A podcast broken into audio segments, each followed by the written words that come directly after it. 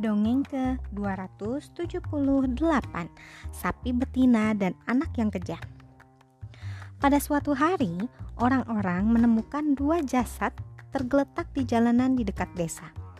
Seorang dari mereka mengusulkan untuk menemui Nabi Musa. Nabi Musa mendengarkan dengan bijak. Baiklah, aku akan mencari jawabannya.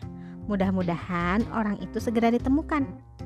Pasti perampok, mereka merampas barang bawaan orang tuaku, kata anak itu. Nabi Musa bertanya, mengapa engkau yakin seperti itu? Karena jasad orang tuaku ditemukan di perbatasan, ujar anak itu.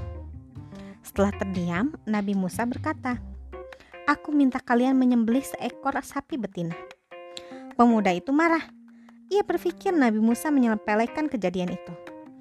Aku mendapat perintah dari Allah agar kalian menyembelih sapi betina, kata Nabi Musa. Sapi betina apa yang harus kami sembelih? Tanya pemuda itu lagi.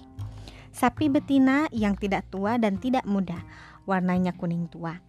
Tapi sapi itu belum pernah dipakai untuk membajak tanah dan mengairi tanaman. Juga tidak boleh cacat, ucap Nabi Musa. Mereka kesulitan mencari sapi betina seperti itu.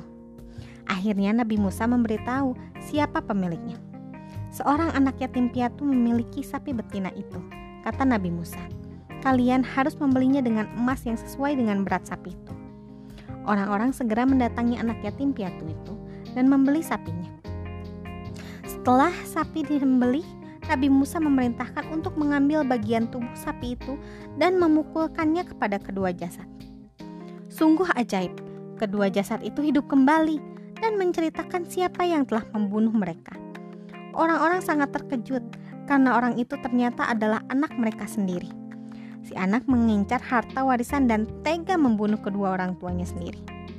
Setelah menceritakan kebenaran itu, kedua orang tua itu kembali meninggal. Si anak dihukum berat.